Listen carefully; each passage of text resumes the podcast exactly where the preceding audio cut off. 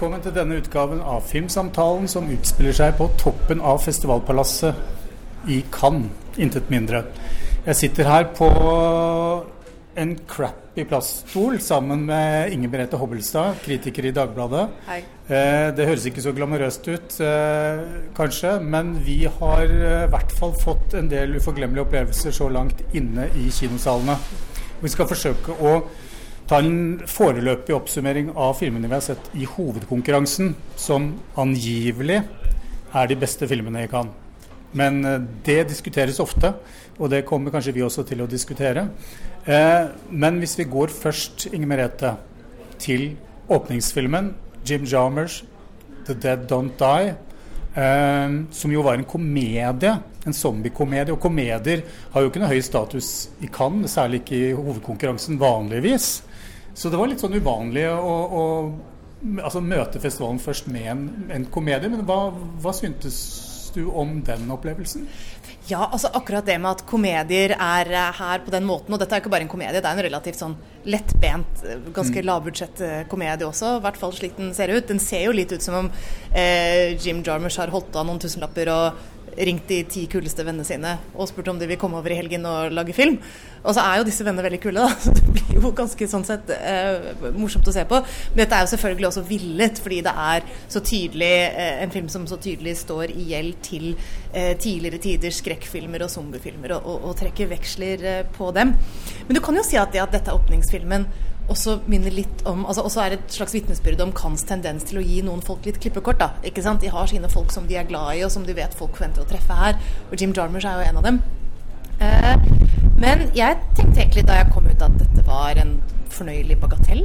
Altså Den var helt lett og fint å sitte og se på det, men litt repetitiv, og, og ikke med den på en måte vekten eller, eksplisiteten som andre av Jarmers eh, filmer har. Men jeg må si at ettersom jeg tenkte mer på den, så slo den meg som mer sofistikert enn hva jeg først enn følelsen jeg hadde da jeg kom ut av eh, salen. Da. Jeg vet ikke, Hva tenkte du?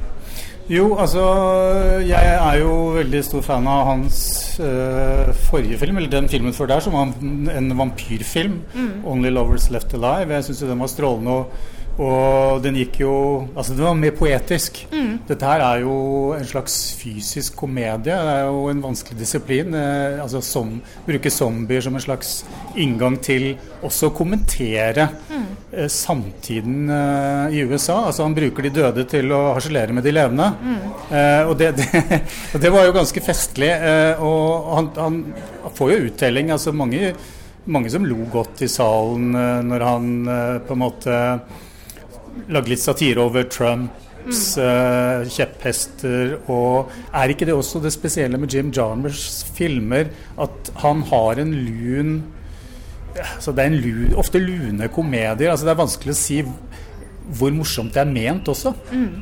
Og nå må jeg bare få lov å legge ned at jeg også syns 'Only Love Is Left Alive' var en så nydelig film. Og det er en film med, som er mer kunstnerisk ambisiøs, ikke sant? Mm. og med større tyngde enn denne. Så den må alle gå og se, uh, mm. syns jeg.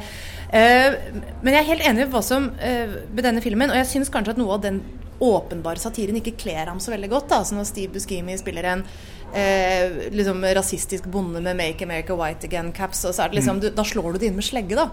Eh, men det jeg syns var ganske fint, det er at det er noen sånne nivåer i denne filmen eh, som tyder på en viss hvordan man forholder seg overfor prosesser som virker uunngåelige. Eh, fordi det har et sånt metanivå at de tøyser med manuset ikke sant, i filmen. At de vet de er skuespillere, de som er i filmen. Eh, det er en side av saken som jo er en kommentar om klimakrisen, åpenbart. Altså Grunnen til at disse zombiene fins, er at jorden har på en måte blitt Altså man har utplyndret jorden, altså at økosystemet ikke, ikke fungerer lenger. Og I tillegg så har du en sånn remitt spilt av Tom Waits, eh, som går rundt i skogen og leser eh, Moby Dick, som jo også er en sånn historie om sånne om naturen som på en måte er små mennesker opp mot den veldige naturen, da, det veldige havet, og på en måte trekker seg litt ut av alt sammen. Så det er tre sånne spor som alle har en sånn tydelig retning. Da. Og som mm. jeg syns var interessant, og som sier noe om, om Jim Jarmers, eh, og hvordan han ser på verden.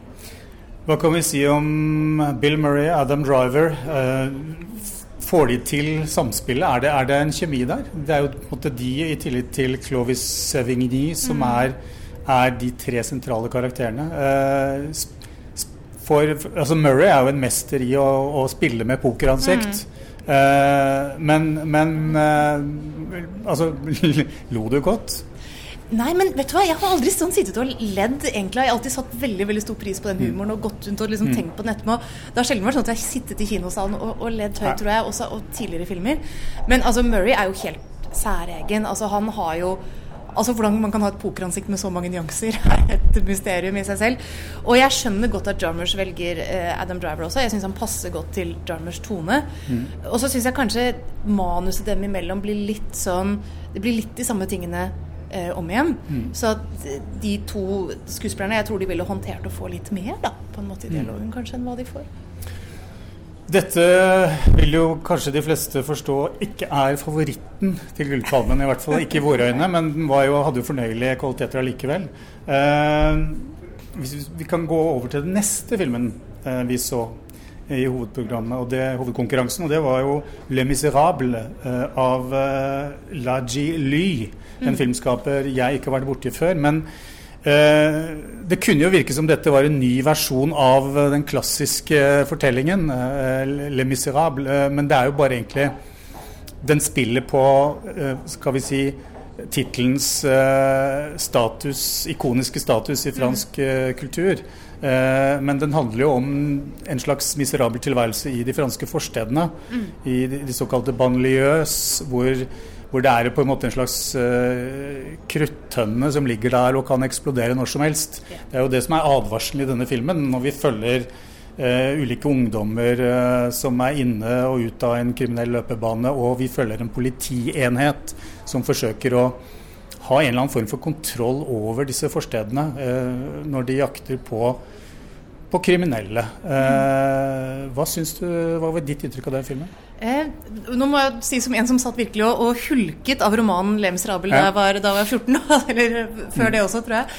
Um, så så syns jeg jo det var interessant å se parallellen her. Det er åpenbart ikke noen versjon av Lems Rabel, men den bruker noen sitater derfra og noen andre sånne referanser. Det er en skikkelse her som blir kalt Monsieur Le Maire, borgermesteren. Mm. Og det er også det Jean Valjean blir omtalt som i store deler av, av Lems Rabel. Så det er noen sånne pekere da, uh, inn i romanen.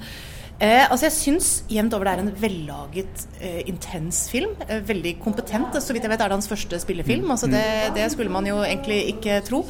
Eh, den har jo ikke veldig mange lag. Jeg tenker at Du vet jo veldig godt hvor han vil med denne filmen, og hva han, han eh, vil si. Men det jeg syns han skildrer veldig godt, er at det er jo denne politienheten som drar ut i forstedene. Uh, og de egentlig, har egentlig med seg som en sånn mantra at de må holde sammen fordi de kommer til å stå overfor liksom, masser som kan løpe mm. ut av kontroll. Så hvis de liksom blir splittet, så blir det så mye svakere. Men det blir det jo nesten med en gang, fordi en av disse uh, uh, politimennene er noe av en løs kanon på dekk. Mm. Men det jeg kanskje syntes var mest interessant, var hvordan han beskriver at også i disse forstedene så er det Eh, altså det er, det, er, jo ikke dem mot røkla, på en måte. Her er det jo massevis av forskjellige småkonger og små maktbastioner. Det er en veldig sånn skjør maktbalanse der folk har sine tuer. Mm. Og, folk, og, og, hvor folk der også prøver å på en måte hjelpe politiet med å holde sivilisasjonen nesten intakt. Da. Og så er det historien om at det ikke lykkes, og da vender du seg mot altså Denne flokken som til slutt stiger opp, på samme måte som de gjør egentlig i romanen, mm. reiser seg jo mot disse eh, lokale egentlig småkongene like mye som mot politiet. Mm. Og så er det alle disse moralske, etiske gråsonene. Mm. Altså det å skape en justis på gata og de kompromissene det innebærer, var jo på en måte det som jeg syns var mest interessant ved, ved altså krimelementet, eller altså politi jager forbryter-elementet. Det at de de, de, på en måte forvalter loven etter, med en viss sånn sans for å kunne improvisere. Mm. Og, og, må det, ikke sant? Ja. Fordi de havner i situasjoner der det er egentlig ikke noen god løsning. Og der den reglementerte løsningen på en måte ville gjort alt verre. Da. Så de må liksom eh, forhandle og deale og holde på og, og improvisere litt. Og så er det jo eh, veldig spente situasjoner hvor det ikke går så bra. Da. Og, og de som jo blir de skadelidende her. Og det, det er jo en veldig og, og, den delen hans er jo hjert, ganske hjerteskjærende. Det er jo at det er en liten gutt som vi ser i begynnelsen, som heier, er fan av Mbappé og heier når Frankrike vinner mm. VM i fotball. Og den voldsomme forråingen som skjer med ham fordi han blir en sånn jetong da, i dette mm. her. ikke sant? Altså han blir Han gjør et lite overtramp, utløser enormt med konflikter. Og, og, og, kommer gjennom altså en, en, kvern som åpenbart gjør at han ikke kommer til å bli den samme igjen. Sjelden man ser en film som er en advarsel. Mm. kan man si. Om hva som kan skje når den kruttønna på en måte antennes. Ja. Hvor skjørt ting er, at, at, at, ting kan bikke den ene og den andre mm. veien. da. En av de største originalene så langt i hovedkonkurransen er kanskje den brasilianske Bacurau eh, av Kleber Mendonça Filo. Eh, som tidligere har laget filmer vi har sett på norske kinoer, altså 'Akvarius' med Sonja Braga.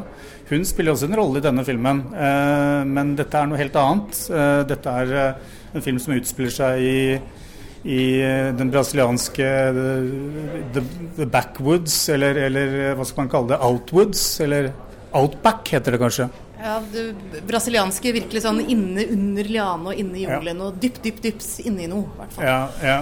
Og der mikser eh, denne regissøren mange sjangere.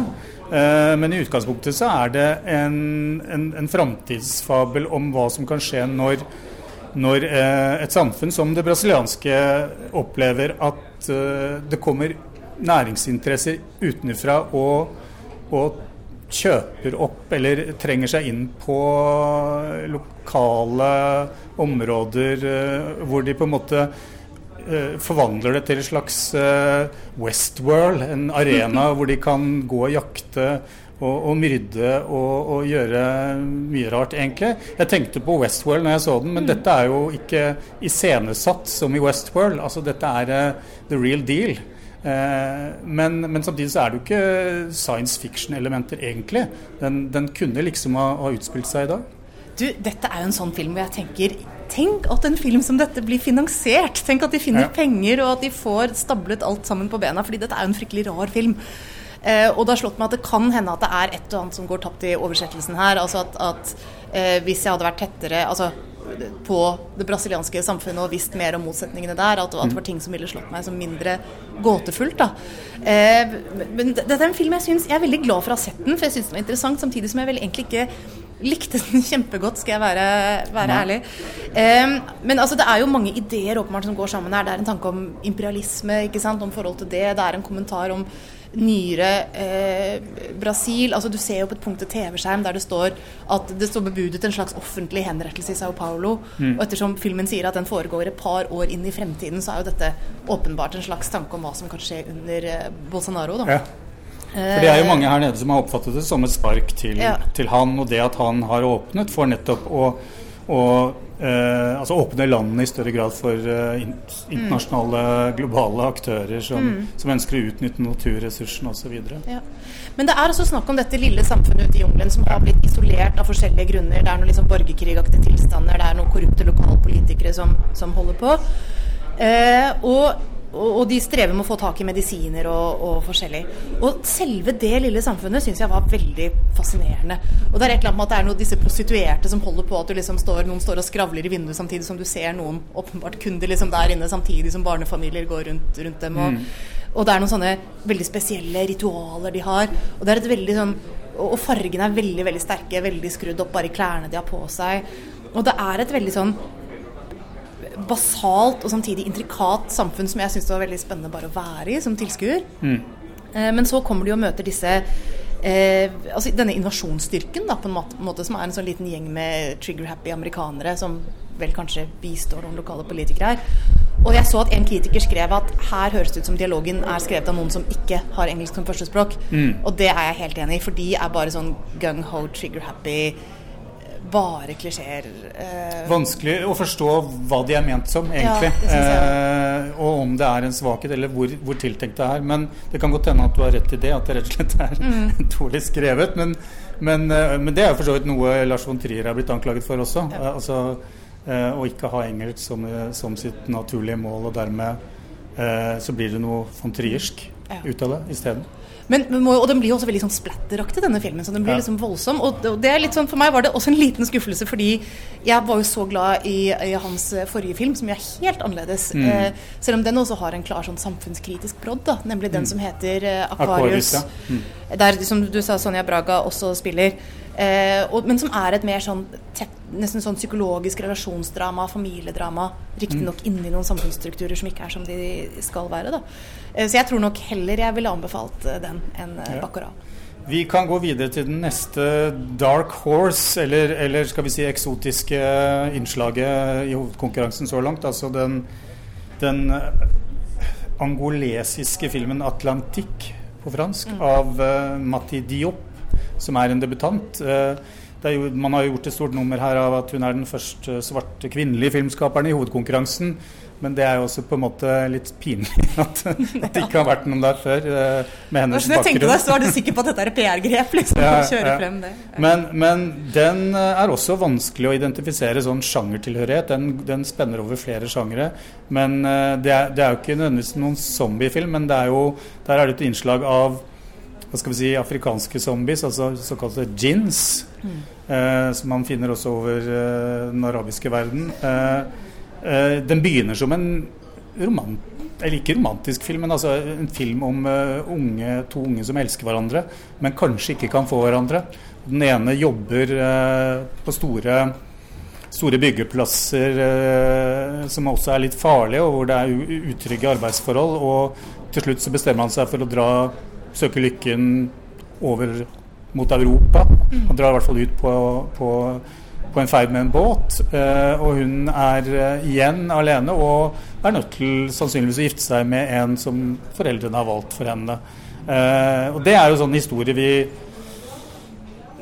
har vært borti utallige ganger, men, men, det er jo egentlig ikke den, den virkelige historien her. For etter hvert så skjer det jo ting med disse kvinnene, eh, henne, altså hovedpersonene, hennes venninner, hvor, hvor, de får noen slags overnaturlige krefter eh, ved hjelp av disse demoniske innslagene. Ja, altså det som, Nå må jeg bare si at dette er jeg tror dette er min favorittfilm så langt, faktisk. Ja. Og det er litt sånn Altså, den har noen åpenbare svakheter, men jeg så den og tenkte åh, dette, dette, er inspirert. Altså, her er det noen som har fantastiske instinkter, og som har satt sammen noe som man ikke skulle tro passet sammen, men som viser seg å passe sammen veldig godt. Og som mm. skaper en sånn helt særegen stemning og, og liksom symbolsk univers som jeg bare syns var bare herlig å være omsluttet av. Da. Mm. Eh, og jeg tror kanskje jeg likte den litt bedre enn deg, men det skal være jo. interessant å høre. Men fordi det som skjer, er jo at altså, det er jo da om disse unge mennene som drar ut i båt, men det ser vi jo aldri. Det var sånn noe jeg likte, det er bare noe du hører om. Havet, det bare ligger der. Det er mange mange bilder av havet som bare er en sånn stor, blå flate av bevegelse. Og der ligger på en måte håpet, men der ligger også faren. ikke sant? Så mm. du kan egentlig legge det inn i det du vil hver gang du ser dette, disse store bildene av havet. Mm. Eh, og så er det jo disse unge mennene som blir borte på havet, men som ikke er helt borte likevel. Og hun unge jenta som jo er vår uh, hovedperson, da, eh, Ada, eh, hun begynner å og hun er jo fortvilt fordi det er jo mann, gutten hun er så forelsket i, som er blitt borte der. Og, og, det er jo en også psykologisk film om sorg også, tenker jeg. sånn mm. sett. Og så er det snakk om at han kanskje kan ha kommet tilbake, at noen har sett dem. Og det er liksom rare ting knyttet til det. Og så skjønner du etter hvert at dette også er en spøkelsesfilm. Ikke sant? At, at dette er noe eh, på en måte minne om de som er blitt borte på sjøen, og, og hvordan de tar bolig i folk mm. som er igjen. Mm. Og noe av det som også gjør det interessant, er at en av dette er jo, og Her kommer svakheten inn. Da. Dette er også en historie om en politietterforskning. og, ja. ja. fordi hun Ada skal gifte seg med en hun ikke er forelsket i, for hun er forelsket i han. De har noen av de dårligste politirutinene vi har sett ja, dette er i, i profesjonelle politiarbeider ja. men, men, uansett, da, det blir påsatt en brann i det huset til, til mannen hun skal gifte seg med. Og etterforskning av det er jo eh, veldig merkelig, må vi jo si. Men, mm. men det som er litt eh, interessant der, det er jo at den politimannen som leder den etterforskningen, blir jo liksom merkelig besatt av hun eh, Ada. Og samtidig så har han jo eh, Han begynner å føle seg dårlig, og så skjønner du at han også er en del av dette eh, denne besettelsen da, mm. eh, som kommer inn over byen. Og det gjør også forholdet mellom Ada, politimannen, og forholdet mellom henne og kjæresten. Det blir noe sånn primalt og interessant og, og mm. driftsstyrt i det som jeg bare jeg fikk lyst til å gå til å snakke med noen. da etter ja, ja, ja. Jo, men det er jo et kvalitetstegn. Mm. Eh, det er nok av filmer hvor man går ut og ja, rister den av seg, liksom, og så sitter det ikke noe igjen. Uh, er det en gullpalmekandidat? Kan det være det? Det er for tidlig å si, ja. selvfølgelig. Men, men uh, altså, jeg, det, den har jo en del klare svakheter, opplever jeg. Du nevnte mm. jo det ene med, med det, disse, denne politimannen, eh, politietterforskeren.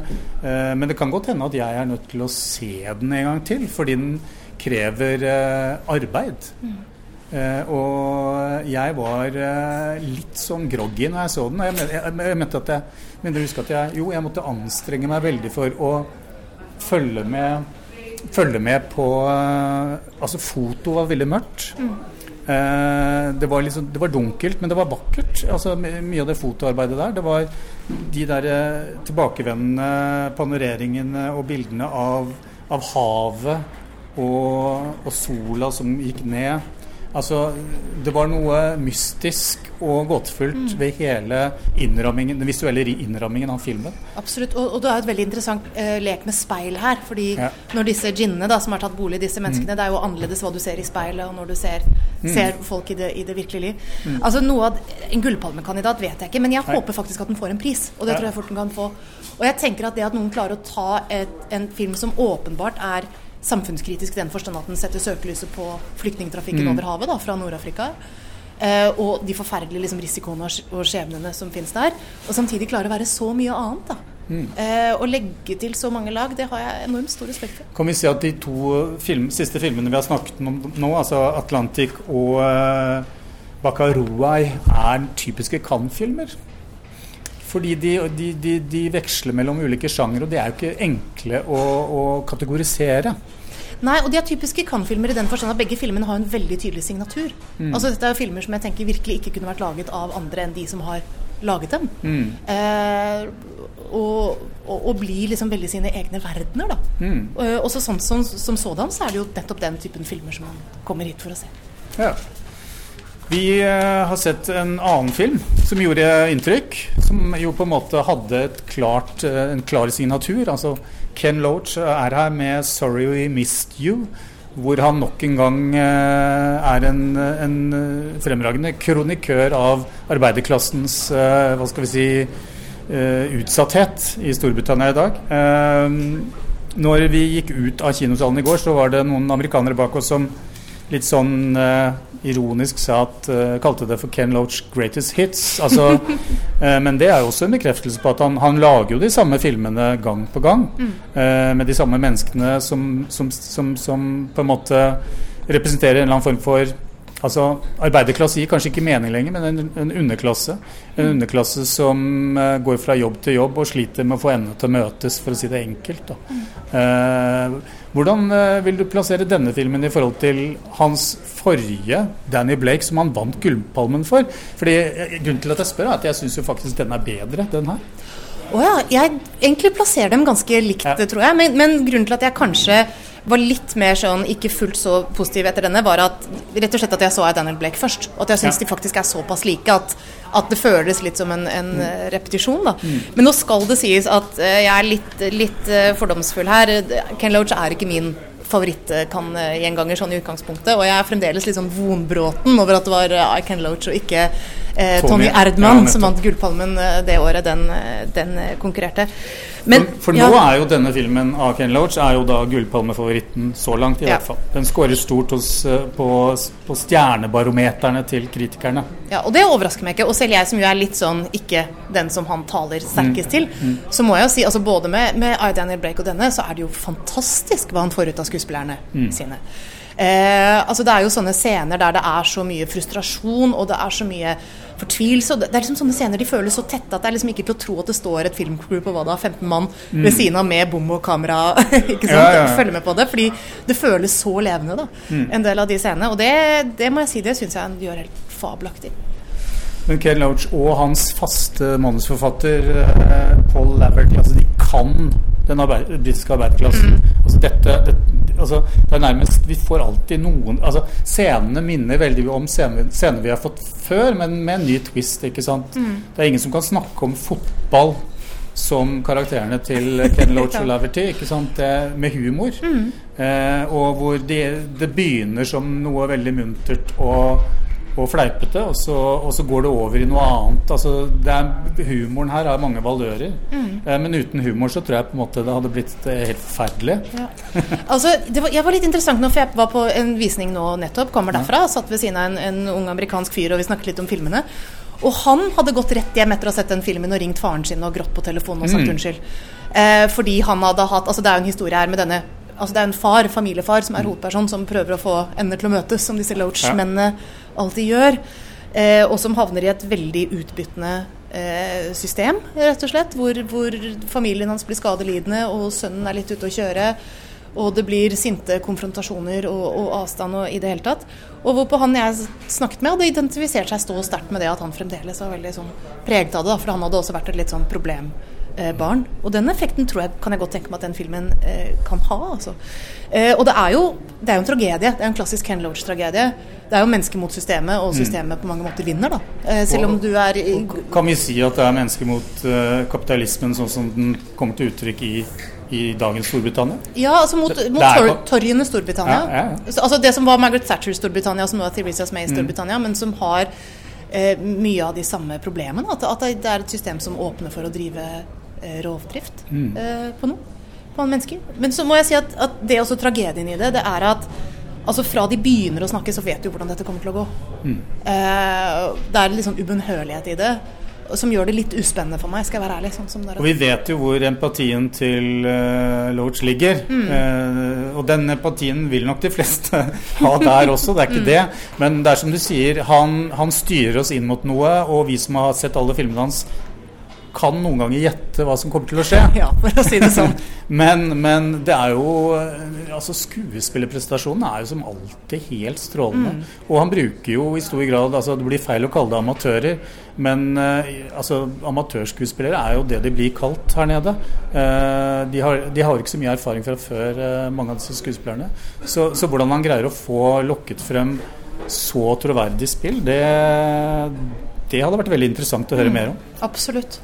Og, og ehm, altså det med at?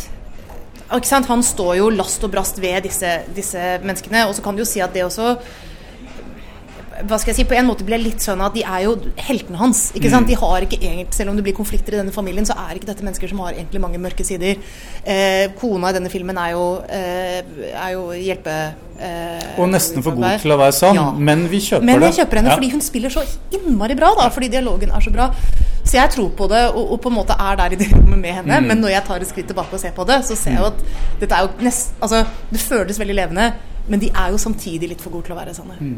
Nå har vi snakket om filmer som eh, er typiske kan-filmer i den forstand at de er alvorlige, de handler om viktige ting. Eh, eller de er eh, dystopiske, politiske. De er, de er konfliktfylte. De, er, altså, de, de problematiserer. Eh, men i dag har det også vært en film som er vist utenfor konkurranse. Som da vi like godt kan ta med nå, fordi, for å få en litt sånn oppløftende eh, avrunding på det her. Men eh, Rocketman, eh, som er altså, den biografiske dramatiseringen av, av Elton Johns eh, Altså deler av Elton Johns karriere. En avgjørende fase av hans karriere. Og den har du sett i dag. Ja. Hva er dommen? Å, nå blir det litt sånn, Dette er den oppløftende filmen. Nå skal jeg være litt gretten. da så det, ehm, altså, Dette har jo vært det store sånn emo-høydepunktet i Cannes så langt. Det var en stor gallavisning eh, med Elton John i, i går. Eh, han sang noe sammen med Taron Edgerton, som spiller hovedrollen. Alle gråt. Elton John gråt. Taron Edgerton gråt. Han gråt på pressekonferansen nå. Eh, fordi dette er på en måte historie om en, en fase i Elton Johns eh, liv der han på en måte Altså etter alt, alle, all selvforakten, alle eh, pillene, all, alkoholen, all kokainet eh, Lærer å sette pris på seg selv, da, få fred med seg selv på en måte han ikke har, har eh, gjort før.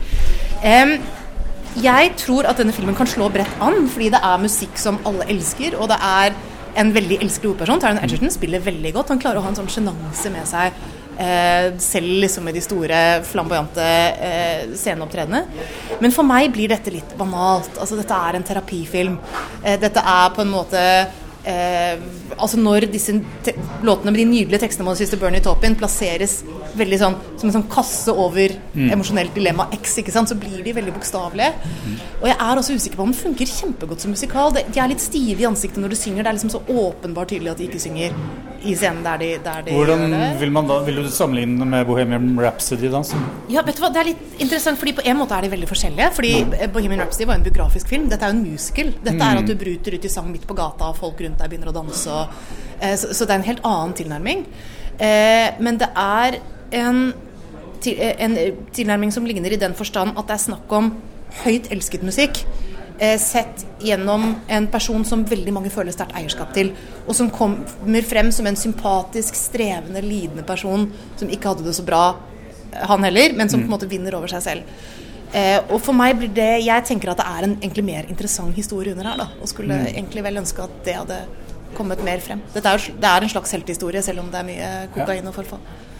Jeg tror vi skal runde av der. Det er flere spennende filmskapere som vi skal møte i kinomørket nå fremover. Det er Darden-brødrene, ikke vel er det Almodovar Al Almodo Almodovar? Begynner å bli litt sent på dagen. Eh, så vi tenkte vi skulle komme tilbake med i hvert fall én eh, foreløpig oppsummering til. Men eh, takk så langt, Inger Merete Hobbelstad. Takk for invitasjonen.